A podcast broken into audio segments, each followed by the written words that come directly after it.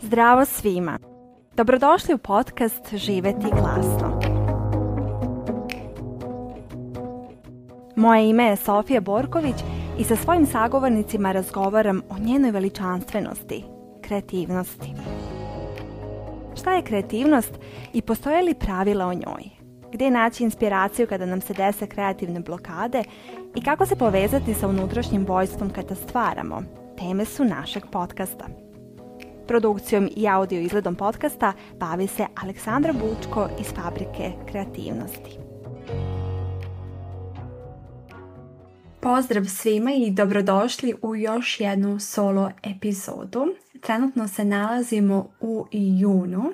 mjesecu kada se završava školska godina i svi mi koji smo bili deca nekada davno, sećamo se šta je to značilo za sve nas. Za većinu nas to je značilo slobodu, značilo je da uskoro krećemo da se igramo, da se svakodnevno družimo sa svojim drugarima u našem kraju, da se viđamo više sa roditeljima, putujemo na neka lepa mjesta, mjesta ili da se bavimo stvarima koje nas interesuju. Ja sam obožavala letnje mjesece i to da provodim vreme ispred zgrade i da se družim sa decom koja su živela u tom kraju gdje sam i ja živela i ono čega se sećam jeste da smo stalno pravili neke predstave i performanse, da smo igrali, da smo režirali, da smo se oblačili u neku smešnu odeću, da smo pevali i da smo trčali, igrali u žmurke i ta sećenja su nešto što obožavam i što me puni i što mi pomaže trenutno kada osjetim da sam nekad zaglavljena, da se vratim u to stanje bezbrižnosti, dečije energije i neprestane radosti koja postoji u jednom detetu. Kao što sam u nekoj od prethodnih epizoda rekla, trenutno imam tu sreću da ispred svoje sadašnje zgrade na brdu vidim decu koje se svakodnevno igraju i koja žive svoje letnje dane na sličan način na koji sam živela i ja sa svojim drugarima nekada davno. Upravo sve to što vidim ispred svoje zgrade inspirisalo me da pričam o našem unutrašnjem detetu, u našem detetu koji postoji u nama samima čak i kada smo sada odrasli i imamo neke obaveze koje nismo imali kao deca, ali imamo i neke radosti koje nismo imali kao deca, a to je na primjer za mene sloboda, mogućnost da biram gdje želim da budem, sa kim želim da se družim, kako želim da provodim dane i što želim da stvaram kada sam bila mala nisam imala takvu vrstu slobode, već kao i svi mi imali smo određene obaveze, išli smo u školu, radili domaće i ispunjavali mnogobrojne zadatke. Tako je leto bilo vreme koje je postajalo neograničeno za igru, zabavu i uživanje, za čitanje i za sunčanje, plivanje sve ovo nam je važno i dan danas kada smo odrasli i kada plaćamo račune, a čini mi se da je nekada i važnije nego kada smo bili deca koja su prirodno u sebi negovala taj dar igre. I u ovom trenutku želim da te zapitam da li se sećaš sebe kada si bio ili bila dete. Šta si tada voleo ili volala da radiš? Kako je prolazilo tvoje vreme i kada si sebe zatekao ili zatekla da ni ne primećeš kako vreme brzo protiče jer se baviš onim što voliš? Kao deca mi smo stalno pokušavali da radimo ili probamo nove stvari, kao što su sport, igre ili kreativne aktivnosti. Ja se sjećam da sam bila na tri ili četiri različita treninga različitih sportova, da sam probala i rukomet, i košarku, i odbojku, i trčanje. Tako da sam baš voljela da probam nove stvari i u svemu sam pronalazila određeno zadovoljstvo jer sam upoznavala nove drugare i učila drugačije stvari. Kada su kreativne aktivnosti u pitanju, također sam promijenila nekoliko sekcija. Bila sam u pevačkim sekcijama, bila sam u dramskim sekcijama, išla sam na glumu, učestvovala sam u različitim projektima i sve mi je to pomoglo da danas znam šta je ono što mene zaista raduje iskreno verujem da samo kada probamo i ono što je lepo i ono što smatramo da nije lepo za nas, možemo da znamo kada dođe vreme da se bavimo onim što želimo, zašto smo dobri, da tačno znamo koja je naša zona genijalnosti i da ne lutamo previše i da se ne gubimo. I verujem da je jedina razlika između ljudi koji tačno znaju što žele i onih koji nisu sigurni jeste probanje pokušaj jeste neuspeh,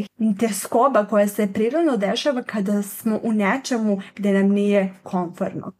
Upravo zato sam rešila da o tome pričamo u ovoj epizodi jer smatram da mogućnost pokušaja je moguć kada sebe doživljavamo ne samo kao odraslu i zrelu ličnost, već i kao dete, unutrašnje dete koje ima svoje vrsne potrebe. Ukoliko sve više starimo i postajemo oni odrasli koje samo zanima politika i dnevna dešavanja, inflacija i neke stvarno realne turobne stvari, a nemamo taj osjećaj poletnosti u sebi, mi onda smisleno prestajemo da se igramo i zabavljamo, te počinjemo da gubimo otpornost na neuspeh ako nam nešto ne ide, ako nismo odlični u igri ili isprobavanju novih stvari.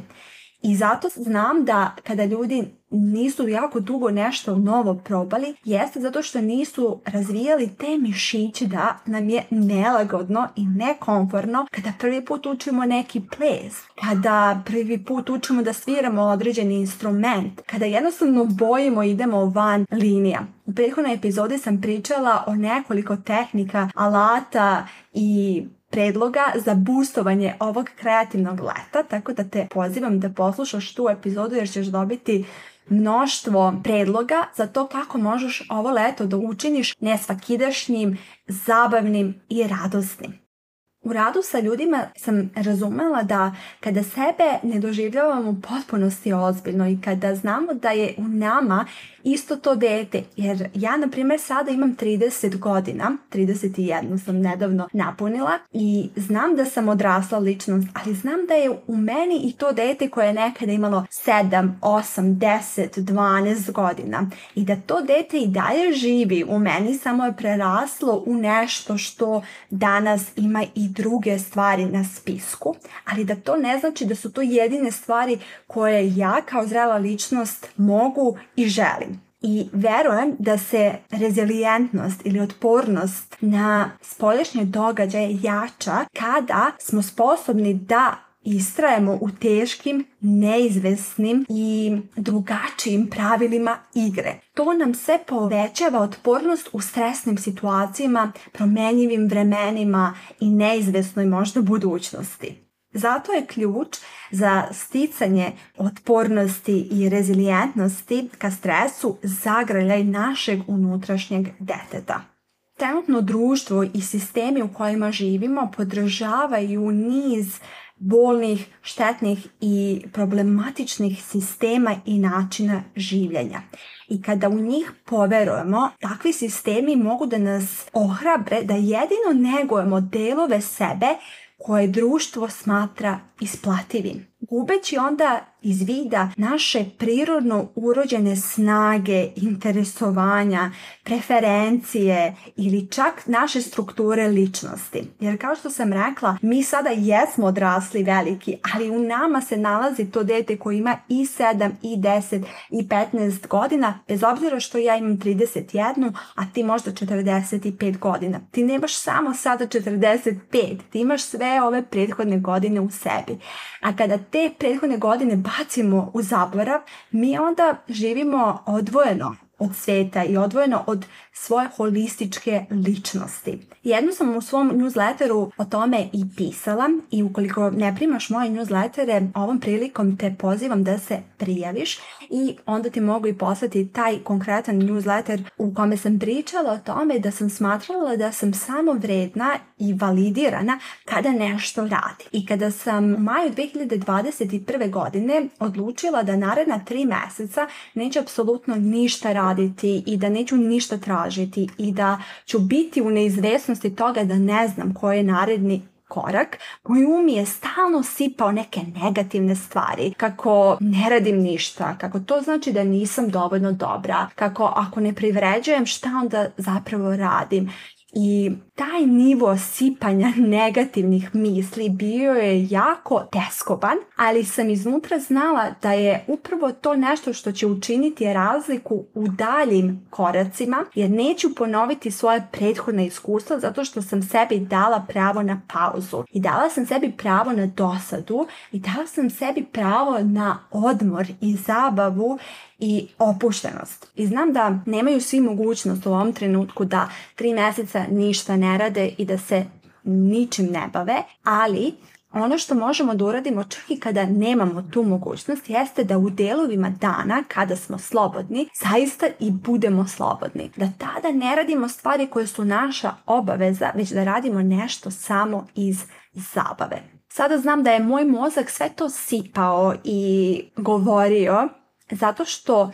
kada smo deca, mi smo oblikovani svim onim što vidimo i onim kako vidimo da ljudi žive i šta se očekuje od nas, šta se ohrabroje ili saopštava. I upravo zato je moj mozak meni to sipao zato što ceo život svi mi smo učeni da je važno da postižemo određene rezultate. Za nekoga je to škola, za nekoga je to sport, za nekoga je to muzika ili umetnost, za nekoga je to gluma. Ali većina roditelja roditelja je nešto očekivala od nas iz najbolje namere, ali to je nama ponekad moglo da stavlja pritisak. I onda kada odrastemo, mi nismo svesni odakle ide taj naš unutarnji pritisak koji je postao onda u jednom trenutku unutarnji, jer je bio prvo eksterni, a zatim je postao unutarnji, kao neki glas u glavi koji ima autoritet na nama, a mi ne znamo odakle dolazi taj glas, ali zapravo ako krenemo da se bavimo sobom i da radimo na sebi, shvatit ćemo odakle dolaze svi ti glasovi i da ti glasovi ne znače istinu za nas i da možemo da ih ne izaberemo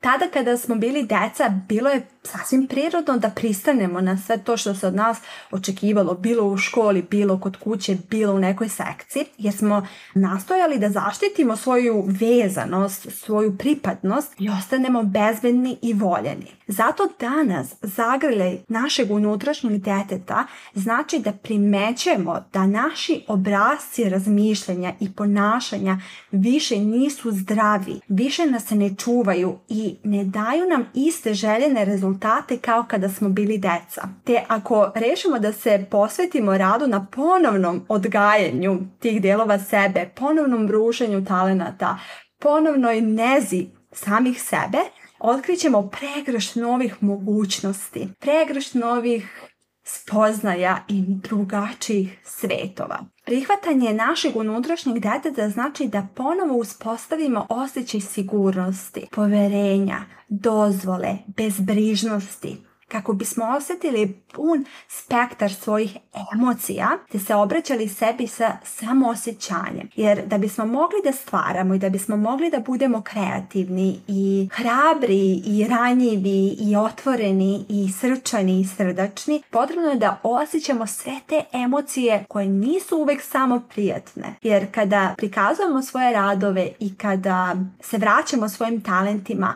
Razni strahovi mogu da izađu iz nas. Razne nesigurnosti, razne misli, osjećaj nedovoljnosti. I tu je važno da negujemo taj osjećaj samo sa osjećanja. Osjećaj nege prema sebi i osjećaj držanja sebe u cijeloj toj situaciji i čitavom tom iskustvu kako bismo mogli da nastavimo i kako bismo mogli sebi da kažemo da je u redu što smo nesavršeni, što smo početnici, da je sasvim prirodno što je nekomforno i da je cilj svega toga da kroz umetnost a o tome pričamo u ovoj epizodi, nekada zacelimo sebe, nekada se vratimo sebi, osnažimo svoj nervni sistem ili postaknemo ono unutarnje dete da bude slobodno, da nema onu bolest zavisnosti od toga šta će ljudi reći, kako će sve reagovati, da li je to dovoljno dobro, da li smo mi dovoljno dobri ako nas toliko ljudi voli ili ako nas toliko ljudi ne voli. Tu ima dosta konfuzije. Zato je taj rad jako važan i tim radom se i bavim u svom mentorskom programu čiji upis kreće od jeseni, tako da neću u ovoj epizodi pričati o tome, ali svakako ako te više zanima možeš posjetiti moj sajt zivetiglasno.com ili živetiglasno.com i u sekciji program pročitati više o tome. Jackie Tassiello, licencirani umetnički terapeut sa sertifikatom odbora i osnivač Art Therapy Source, privatne prakse u New Jerseyu kaže da pauziranje u tim reaktivnim odgovorima i sipanju tih strahova i skobe je važno kako bismo prepoznali da taj naš emocionalni odgovor dolazi od deteta u nama. Ne od odraslog, nego od tog deteta. I da prihvatimo deo nas koji smo skrivali od sebe i skrivajući se od života samim ti. Da ne budemo grubi prema tom svom unutarnjem detetu, nego da ga razumemo, da ga potapšemo po ramenu, da mu kažemo znam da ti je teško, znam da je nekomfortno, znam da te ovo vraća u neke uspomene, ali nastavi dalje. Ta sjelo kaže da kada se prilagodimo onome što je potrebno našem unutrašnjem detetu, možemo produbiti svoju samosvest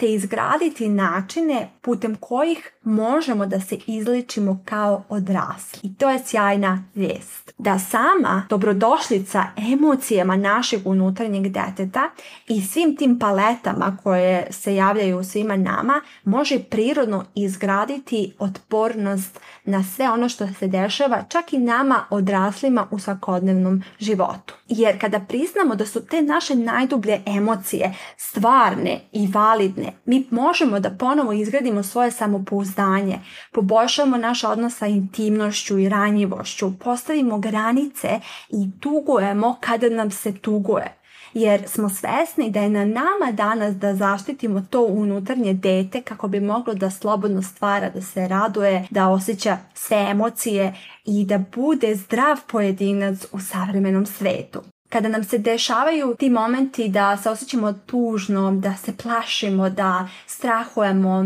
da osjećamo nesigurnost, da se vraćamo u neke momente kada nije bilo prijatno to što smo ono što jesmo, kada smo bili kritikovani, kada su naši crteži bili kritikovani, naš glas, ples, gluma, crtanje, bavljenje, bilo čime, važno je da u tim trenucima osjećamo to, ali da se ne prepuštamo u potpunosti u smislu da odemo u ponor i da onda krenemo da govorimo sebi da smo žrtve i da smo jadni jer nas to opet vodi u vrtlog novih krugova koji nas ne posjeću na stvaralaštvo. I tada je zato važno da prizivamo radost. Prizivamo radost kroz vreme odvojeno za kreativnost i druge opuštajuće aktivnosti. Za ono što je dostupno svima nama u svakodnevici, a što možda ne koristimo maksimalno. A to je šetnja, vožnja, rolera, bicikla, trčanje, kuvanje, pravljanje nekih sokova, radost koju dijelimo sa prijateljima, paštovanstvo, razni neki oblici bavljenja koji nisu puko plaćanje računa, odlazak u kancelariju, rad, već su važni isto koliko i to, ali kao što sam na početku rekla, društvo nas je uverilo da to toliko i nije važno i da to treba da radimo u slobodno vreme, ali onda kada to zaista i verujemo, mi nikada nemamo slobodno vreme. Mi uvek imamo nešto da završimo, ako ste primetili. Uvek neke sudove treba da operemo, neki vež da raširimo. Ukoliko ste roditelj, stalno imate naravno posla oko svoje dece, se i da se time bavite. Tako da kada poverujemo u to, mi onda nikako nemamo vreme da se vratimo tom svom unutarnjem detetu i postaknemo ga da bude radosno i da bude osnaženo i otporno na svakodnevni stres. Zato isprobavanje novih stvari prirodno gradi taj otpor prema svemu spoljašnjem jer se bolje osjećamo u rješavanju problema i probijamo se kroz nepoznato brže. Jer kada vežbamo da smo novi u nečemu i da nešto ne znamo i da nam je nekomforno i da ispadamo smiješni ili glupi i da idemo u levo, a svi idu u desno. To je dobro jer onda prestajemo da sebe shvatamo toliko ozbiljno i postajemo mekši i blaži ne samo prema sebi, već i prema svojim ukućenima i kolegama. Jer smo svesni da oni reaguju onako kako su naučeni i da verovatno nisu ponegovali svoje unutrašnje dete i zacijelili taj deo svoje ličnosti. I onda imamo više razumevanja i postajemo bolji ljudi. I za kraj želim da zaključim da bilo da se radi o aktivnosti ili hobiju iz svog detinstva ili nešto što sada želiš da radiš, kao što je na primjer umetničko klizanje, vožnja bicikla, crtanje, gluma, ples, vajarstvo, vez ili pak nešto što si od uvek želeo ili želela da probaš, a nekada davno nisi imao sredstva ili nisi sebi dala možda za to dozvolu, kao što je na primjer obrada drveta, grančarija, boks ili tenis. Podržavanje deteta u sebi kroz davanje sebi dozvole da se bavimo tim zabavnim aktivnostima može pokrenuti i svakako će kroz vrijeme pokrenuti osjećaj čiste radosti, kreativnosti i opuštenosti, te sve što nas svakako čini zdravijom, odraslom osobom, osobom koja je primjer lakoće zato što je postala otporna na stres savremenog življenja. To bi bilo to za današnju epizodu. Nadam se da ti je epizoda prijala, da si otkrio ili otkrila neke nove delove sebe, da si čuo ili čula na čemu možda treba više da radiš kako bi bio još više srećan i radostan i dobar čovjek za svoje okruženje. Nadam se da ti je bilo korisno, nadam se da te je postaklo na drugačije razmišljanje i voljela bih da ukoliko je tako i ukoliko znaš da bi nekome drugom možda više značilo ili značilo isto koliko i tebi da ovu epizodu podeliš ili da mi pišeš kako ti se dopala. Hvala što ste poslušali ovu epizodu podcasta Živeti glasno. Nadamo se da ste za nijansu više ohrabreni ispunjeni ili inspirisani. Do naredne epizode želim vam mnoga lepa i kreativna ostvarenja. Pozdrav!